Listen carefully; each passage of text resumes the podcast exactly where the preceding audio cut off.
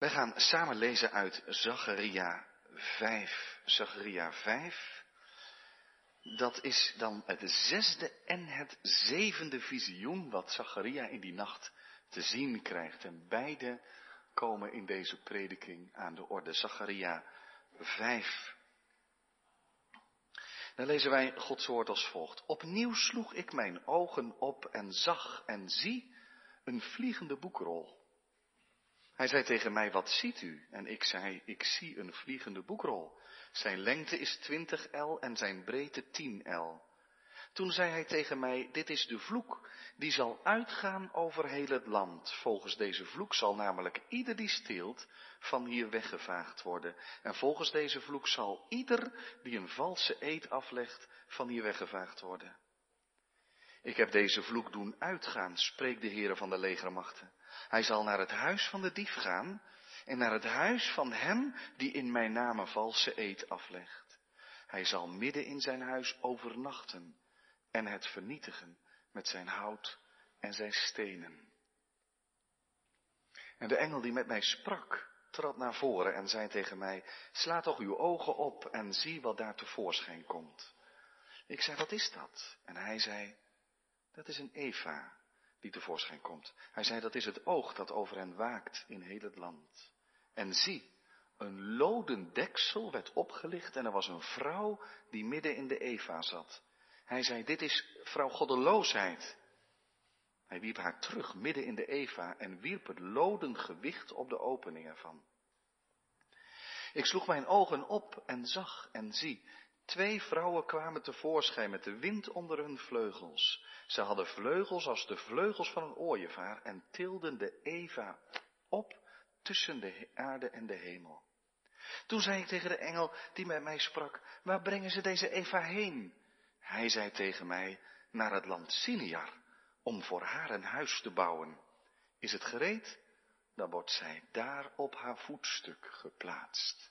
Tot zover lezen wij het woord van God voor deze dienst. Zalig zijn zij die het woord van God horen en geloven en daaruit leven. Amen. De tekst voor de prediking is Zacharia 5, de beide nachtgezichten of visioenen die wij daar lezen. Zacharia 5. Gemeente van onze Heer Jezus Christus. Bemoediging voor moedeloze mensen.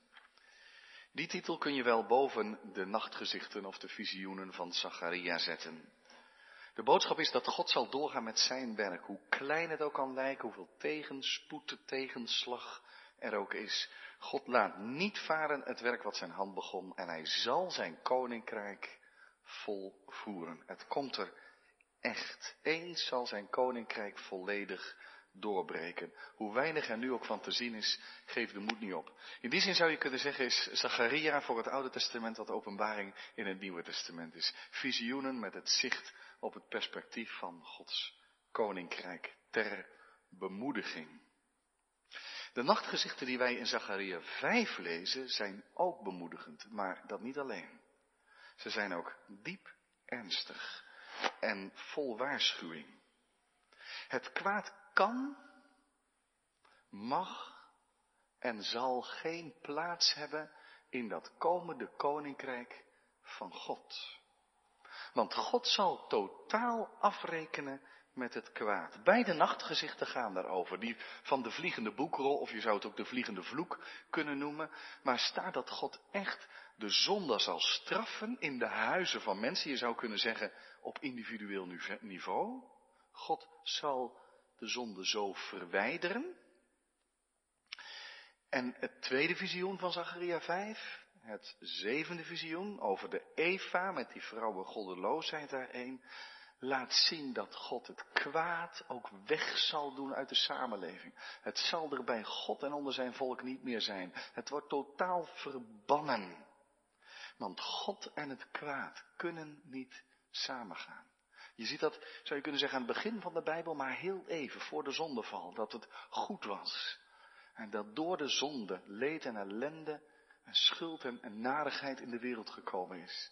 Maar dan ontspint zich een helsgeschiedenis die zal uitlopen op de volledige komst van Gods koninkrijk. Dan zie je aan het einde van de Bijbel, veel uitgebreider dan in het begin, zie je dat er in allerlei toonaarden gezongen wordt, vooruitgekeken wordt op dat koninkrijk van God, wat dan ja, neer zal dalen als een stad op de aarde. Dat alle zonde en leed weg zal zijn, dood en rouw, het zal er niet meer zijn. God zal onder de mensen wonen en het zal goed zijn. God en het kwaad kunnen niet samengaan. De Heer weet er raad mee. En de Heer, maar de Heer zal het wegnemen. De zachtmoedigen zullen de aarde beërven.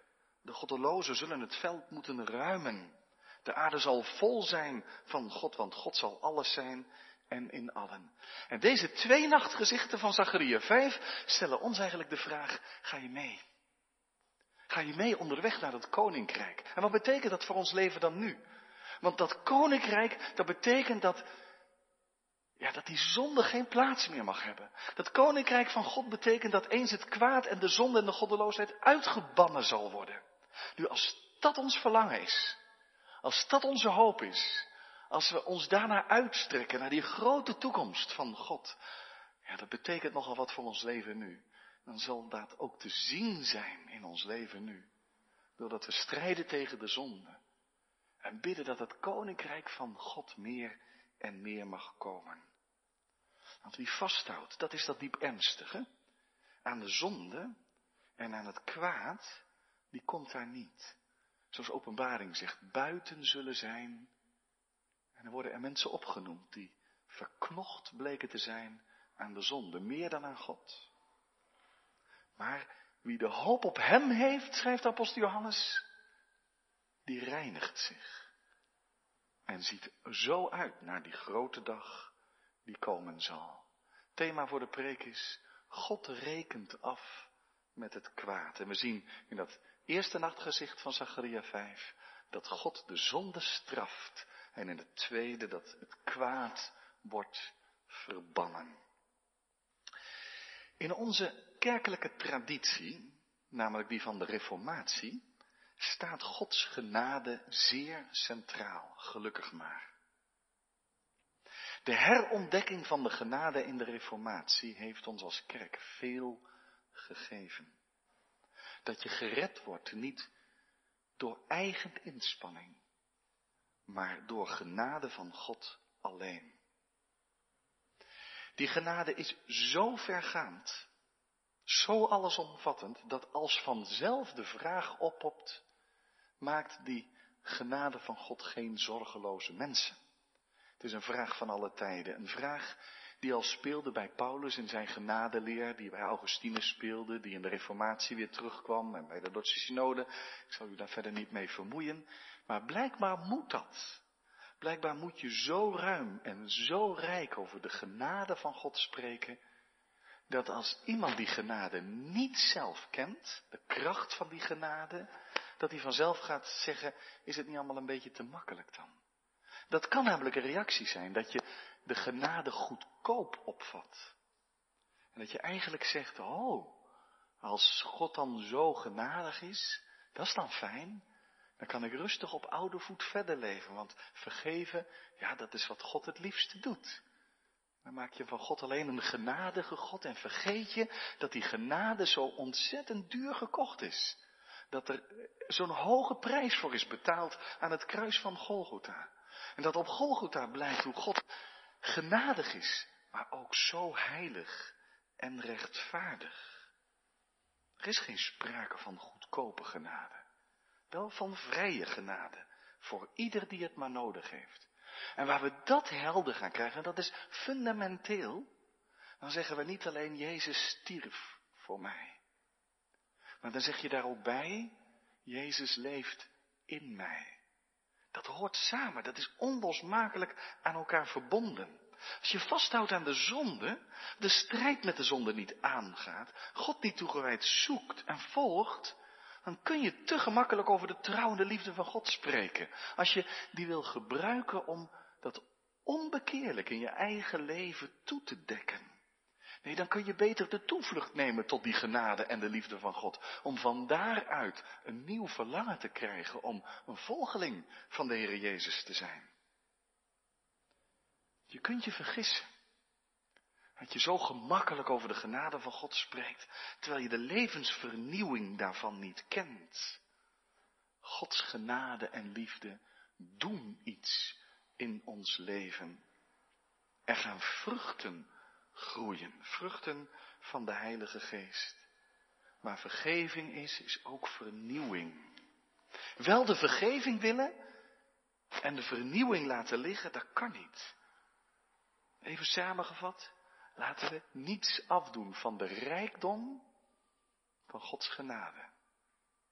En tegelijk niet vergeten hoe die genade ons raakt en doet verlangen naar de vervulling van de Heilige Geest, de vernieuwing van ons leven. En dat is de boodschap die in het nachtgezicht van Zacharia naar het volk gaat. Zacharia ziet een vliegende boekrol. De afmetingen zijn een beetje vreemd, want het is 10 bij 20, 11, 5 bij 10 meter. Beetje een living. Misschien, een beetje grote living, maar goed. Maar niet direct de afmeting van een boekrol. In die tijd waren boekrollen, de langste weten van is 53 meter. Als je die helemaal af zou rollen, dan kloppen die afmetingen helemaal niet. Dus waarschijnlijk moet je je voorzien dat hij een klein beetje ontrold is, waardoor die verhouding ontstaat. 10, 20. Maar wel van een enorme afmeting. Een enorm billboard zou je haast kunnen zeggen. Een vliegende boekrol. Helemaal volgeschreven met woorden van God. En die vliegt daar. 10 bij 20, men heeft wel gezegd, dat is toch een merkwaardige afbeelding of afmeting. Maar dat heeft waarschijnlijk te maken met dat dat ook de afmeting van de voorhof was. Dus dat die afmeting je doet denken aan de tempeldienst. Want zegt de Heer daarmee eigenlijk, het is goed dat de tempel herbouwd wordt.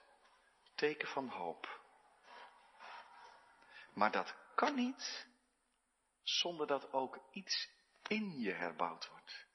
De tempel nieuw, daarbij hoort dat mensen ook met nieuwe toewijding God gaan dienen. Want die vliegende boekrol staat niet vol evangeliewoorden. Misschien ook wel, maar vooral is het een vliegende vloek. Voor mensen die vasthouden aan de zonde, want God straft de zonde. Dat is iets wat we in de Bijbel veel tegenkomen. God is een God vol liefde. Maar de liefde van God is een heilige liefde. God is geen lievige God die toch wel zorgt dat het altijd goed komt. Die alles wel oké vindt, in tegendeel. Ik zei al even, Gods liefde schittert op Golgotha. Gods liefde is zo overvloedig. En tegelijk zie je op Golgotha dat Christus de straf op de zonde draagt. Dat hij het lam van God is, wat de zonde der wereld wegdraagt. Daar zie je Gods liefde en Gods heiligheid tegelijk. Laten we Gods heiligheid niet vergeten. Je zou kunnen zeggen, zo'n boekrol, dat is eigenlijk een heel vriendelijke uitstraling. Het is geen uh, roofvogel of zo die boven je zweeft. Het is geen bewapende drone, maar een boekrol. En een boek, ja, daar kun je rustig bij in de buurt komen en het bijt niet. Op het eerste gezicht lijkt het een, een, een fijn beeld. Gods woord gaat uit. Maar, zegt de Heer dan tegen, tegen Zacharia, er is hier meer aan de hand. Het is de vliegende vloek. Want het woord van God is levend, krachtig en is scherp ook. Het opent de deur voor een ieder die hem nodig heeft, voorbuigt de deur naar zijn koninkrijk, naar zijn vergevende liefde. Maar datzelfde woord zegt ook als je je niet bekeert, dan draag je zelf je zonde en zul je omkomen in het oordeel van God. Je kunt er zo fijn bij in de buurt komen, ook hier in de kerk, waar het woord van God is. Maar daar waar het woord van God open gaat, komt het er tegelijk op aan. Luister je naar de woorden van God of laat je ze liggen en vind je ze van geen waarde? Jezus' woorden waren ook zo scherp, zo uitnodigend voor de grootste van de zondaren. En tegelijk zegt de Heer Jezus ergens, er zullen mensen buiten staan die mijn naam op de lippen hebben gehad. Maar ik zal zeggen, ik heb je niet gekend, ga weg van mij. U die de ongerechtigheid Twee zonden, zo lezen we in vers 3 en 4, worden in het bijzonder genoemd. Dat zijn de zonden van stelen en van een valse eed. Waarom deze twee? Sommigen zeggen ja, dat komt omdat de een altijd de ander met zich meebrengt. En dit zijn eigenlijk zonden die behoorlijk in het verborgene kunnen gebeuren. Je steelt iets bij je buren. En vervolgens begint hij te klagen en zegt, ja, er heeft er maar één toegang gehad tot mijn erf en mijn schuur en mijn huis. Zou je eens niet informeren bij de buurman en dan kom je voor de rechter te staan, want eh, die buurman weet zeker dat jij het hebt gedaan, maar er is geen forensisch onderzoek, dus wat telt? Het woord uit de mond van twee of drie getuigen. Dus je moest een eed afleggen dat je de waarheid sprak en de dief zei vervolgens, ik kan rustig voor Gods aangezicht zeggen dat ik er met mijn vingers van afgebleven heeft en ondertussen lag het bij hem achter in de schuur. Diefstal en mijn eed naam van de Heere vals gebruiken. Anderen zeggen dat zal vast ook de aanleiding zijn van deze twee, maar laten we niet vergeten dat het er één is van de eerste tafel, zoals wij dat noemen, en één van de tweede tafel. Eh, dus dat, dat gebod van dat mijn eet zegt, je neemt God niet serieus, je dient God niet, je hebt geen ontzag voor God. En stelen is maar een gebod dat wil zeggen, en je respecteert je naaste niet, je hebt je naaste niet lief als jezelf. Aan deze twee geboden, zou je dus hier ook wel kunnen zeggen, hangt heel de wet en de profeten. Het gaat hier niet alleen om stelen en vervolgens liegen, waardoor je kan zeggen, ja, um, het zijn er maar twee van de tien, ik heb er nog acht over en daar doe ik het allemaal niet zo heel slecht bij. Dat werkt niet. Apostel Jacobus, die zei al dat als je tegen één gebod zondigt, je zondigt tegen al de geboden, omdat het om de kern gaat. Heb je God lief boven alles en je naaste als jezelf. Twee zonden worden dus in het bijzonder genoemd. Twee zonden die blijkbaar leefden bij Israël. Die weer nieuwe mat, moed vatten door de nachtgezichten van Zacharia. En verder ging met de herbouw van de tempel. Maar ondertussen. Bedenk, God laat zich geen zand in de ogen strooien door mooie erediensten. Ja, we hebben uw tempel toch gebouwd. Het heeft ons ook best wel wat moeite en, en geld gekost. Dat hebben we toch maar gedaan. Maar de Heere zegt, ik zie waar er gestolen wordt en waar er mijn naam bijgehaald wordt om je eigen onschuld te bepleiten. Nu die, die vloek, die zweeft over het land en, eh, zegt dit visioen, het zal doel treffen. Het is een ernstige waarschuwing aan het volk. Er moet heiliging zijn. Het herstel van het volk kan hem niet alleen aan de buitenkant zitten. Er moet een toegewijd verbondsvolk van God zijn. Want God zei, ik zal u tot een God zijn. En u zult mij tot een volk zijn. God ziet het. Ook in ons leven. Ook in het verborgen. Hij ziet het en hij zegt, ik zal de zondaar wegvagen. Je huis van hout en steen, of hoe stevig je het ook optrekt, het zal niet kunnen blijven bestaan. Je kunt je afvragen, is dat nou letterlijk zo gebeurd daar ook, dat huizen ingestort zijn? Ik denk dat het hier juist om dat visioen gaat, wat laat zien waar Gods hart is. God spreekt die zijn volk zo bemoedigend toe, maar tegelijk zegt hij, je bent wel mijn volk. Ik ben de Heere, uw God, die u uit Egypteland en nu uit Babel hebt teruggebracht. U zult geen andere goden voor mijn aangezicht hebben. Niet stelen, geen mijn eet plegen, maar mijn volk zijn. En bij God en zijn toekomst kan de zonde geen plaats hebben. Er zullen mensen buiten staan. Aangrijpend is dat. En tegelijk is ook dit visioen een bemoedigend visioen. Stel nou eens voor dat je er bij jou gestolen was. Stel je nou eens voor dat het onrecht groot wordt. Wij leven in een land waar we, waar we vaak ons gelijk nog wel krijgen kunnen. Al, al kunnen sommige mensen van tijd tot tijd het onrecht voelen. Maar denk aan Nabot. Nabot, die getrouwe Nabot, die zijn akker niet aan koning Agab wilde verkopen. Dan bedenkt Izebel een plan. We gaan hem gewoon vals beschuldigen. En dat leidt tot de steniging van Nabot. Terwijl hij de beschuldiging krijgt dat hij gevloekt heeft. Maar altijd trouw is geweest. Er was geen recht. En in het visioen zegt de Heer door die vliegende boekrol. Ook die personen die machtig zijn, omdat de waarheid hen toch wel niet achter, zal achterhalen. Ze zullen geen plek hebben in het koninkrijk van God, in die aarde die gezuiverd en geheiligd zal worden. Zie je dit toekomstvisioen voor je? God zal deze wereld reinigen, dwars door het oordeel heen. En waar staan wij? Wij hebben met onze zonden te schuilen achter het bloed van de Heer Jezus Christus.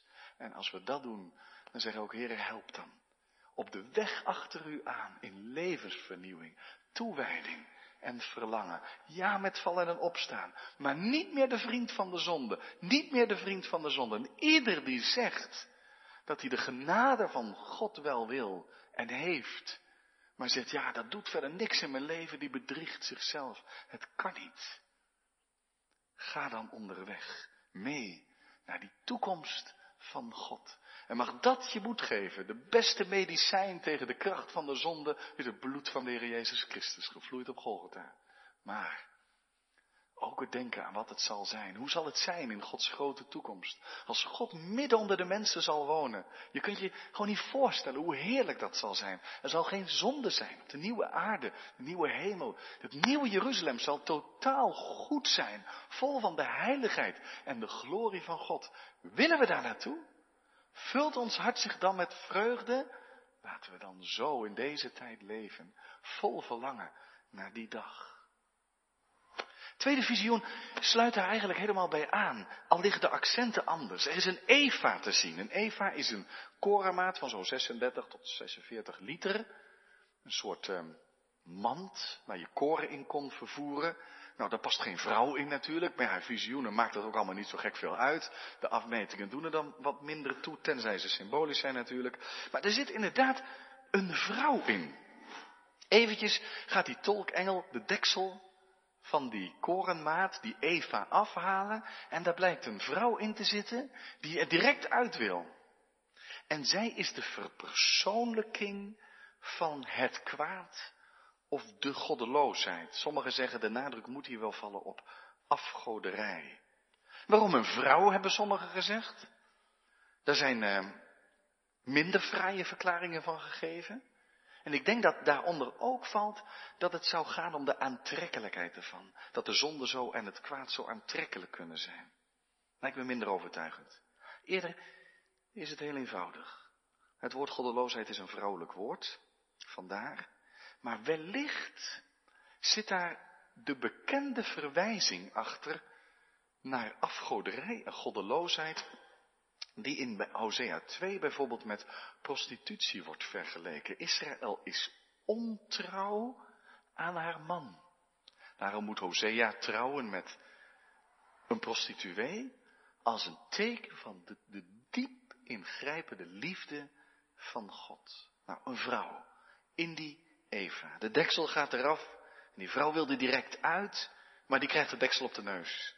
Gauw gaat de deksel erop en het is een zware, een loden deksel, zodat de goddeloosheid niet uit de Eva, schuine streep doos van Pandora, zou je haast zeggen, kan ontsnappen. Het deksel moet erop. Wat betekent dit visioen? De zonde moet niet alleen weggedaan worden uit ons leven, niet een beetje door hier een nagelveiltje langs te halen en daar wat te peuteren. Maar met een grote schoonmaak. Heere, hier ben ik. Wilt u met de kracht van uw geest helpen om nu voortaan naar al uw geboden te leven en zo mijn leven in te richten. En dat is in eigen kracht al te zwaar. Veel te zwaar. Daar hebben we de Heilige Geest voor nodig en het bloed van Christus. Maar hier staat dat er nog meer is. Er is niet alleen de persoonlijke zonde, er is ook het kwaad in de wereld. De goddeloosheid zelf.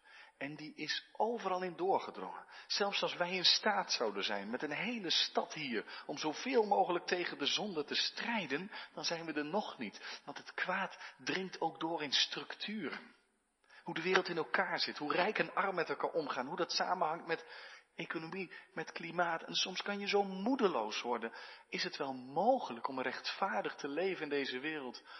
Het is maar goed dat de Bijbel ons vertelt dat het dwars door een oordeel van God heen gaat. Want we zien werkelijk de wereld niet langzamerhand toegroeien naar het koninkrijk van God. Het kwaad zit tot in alle vezels, tot in de structuren zit het. En het moet verwijderd worden. En God zal dat doen in zijn kracht. En daarom staat er dat twee vrouwen met ooievaarsvleugels, dat is een trekdier, dat grote afstanden aflegde, wordt weggevlogen, niet in de buurt gehouden, dat lode deksel zegt niet, nou laat maar staan, met een deksel erop, kom er maar niet aan in je nieuwsgierigheid. Nee, het wordt weggedaan. Het moet weg. Waar naartoe dan? Naar Sinear staat erbij. En Sinear is een andere naam voor Babel. Ze zijn bevrijd uit Babel, maar Babel is het land van de donkerheid. Babel is in openbaring het land van de tegenmachten van God. Babel, dat is het land van de goddeloosheid en het kwaad. En de goddeloosheid en het kwaad mag onder Gods volk geen plaats hebben. Het kan daar niet thuis zijn. Het kwaad kan niet thuis zijn in de christelijke gemeente. Je ziet dat in het Nieuwe Testament. Het hele heftige, dat Ananias en Sapphira dood neervallen, omdat ze Gods naam erbij halen en liegen. En God laat zien, dit is de heilige gemeente van Christus. Daar kan de zonde geen plaats hebben. Het kan slechts een thuis hebben in Babel. In het goddeloze land. Daar zal het zelfs een podium krijgen. Daar zal deze vrouw als een standbeeld op de sokkel gezet worden. Er staat in dat laatste vers van Zacharia 5, ze zal op haar voetstuk geplaatst worden, want daar zal zij aanbeden worden. Er komt een grote scheiding. Wie wil er wonen in het land Babel? Wie wilde wonen in het nieuwe Jeruzalem? Het is zo apart hè, hoe het boek Openbaring dan eindigt. Dat, dat, dat nou alles wat er getoond is van, van Gods toekomst en, en hoe het door een strijd heen gaat van goed en kwaad. Maar dat Christus overwonnen heeft en overwonnen winnen zal. En als dat allemaal gezegd is, dan staat er. En wie nu rein is, laat die steeds meer gereinigd worden. Maar kies je voor het vuil, Stapel het maar op dan. Je plek zal in Babel zijn, waar dat standbeeld van de goddeloosheid op een voetstuk staat. Waar wil je zijn? Waar wil je bij horen? Wil je steeds dichter bij God leven? Zo laat dit visioen iets zien van de nieuwe hemel en de nieuwe aarde waarop gerechtigheid wonen zal. Er is geen plaats meer voor rouw en voor verdriet er is geen plaats meer voor zonde en ook niet voor het kwaad. Je kunt het niet uittekenen hoe dat zal zijn. Je kunt het met het beeld van een stad doen. Je kunt het tekenen met het beeld van een tuin. Je kunt het tekenen met het beeld van het herstelde paradijs. Je kunt het tekenen hoe je het ook maar wil. Je krijgt het niet voor elkaar. Hoe zal een samenleving eruit zien? Waar God verheerlijkt wordt. Waar Hij centraal zal staan. Waar iedereen wandelt met God. Als je daar een poosje aan denkt, en je moet er af en toe gewoon eens voor gaan zitten. Je kunt het haast niet voor je zien. Maar daar gaat het naartoe. Dat er de vreugde in ons hart zal zijn voor de verlossing. En tegelijk de vreugde dat we verlost zijn van zonde en kwaad. En dat we zonder enige hinder God mogen dienen zonder vrees. In volle toewijding, en dat zal aan toewijding ons nooit ontbreken. Daar zijn we de strijd te boven. Dan zijn we eindelijk de strijd tegen de zonde te boven. Dan zijn we het kwaad te boven. Dan zijn we het onrecht te boven. In Gods kracht. En wat blijft over? De heerlijkheid van God, zijn glorie. En de vreugde voor zijn volk. God rekent af met het kwaad. Dan is dat ook de boodschap voor nu, voor mijn leven deze week. Hoe leef ik? Laten we de vliegende vloek niet vergeten. En onszelf niet bedriegen. Met onze zonden vluchten wij naar Christus. En wij leven in een nieuw leven. Geef God de eer van je leven.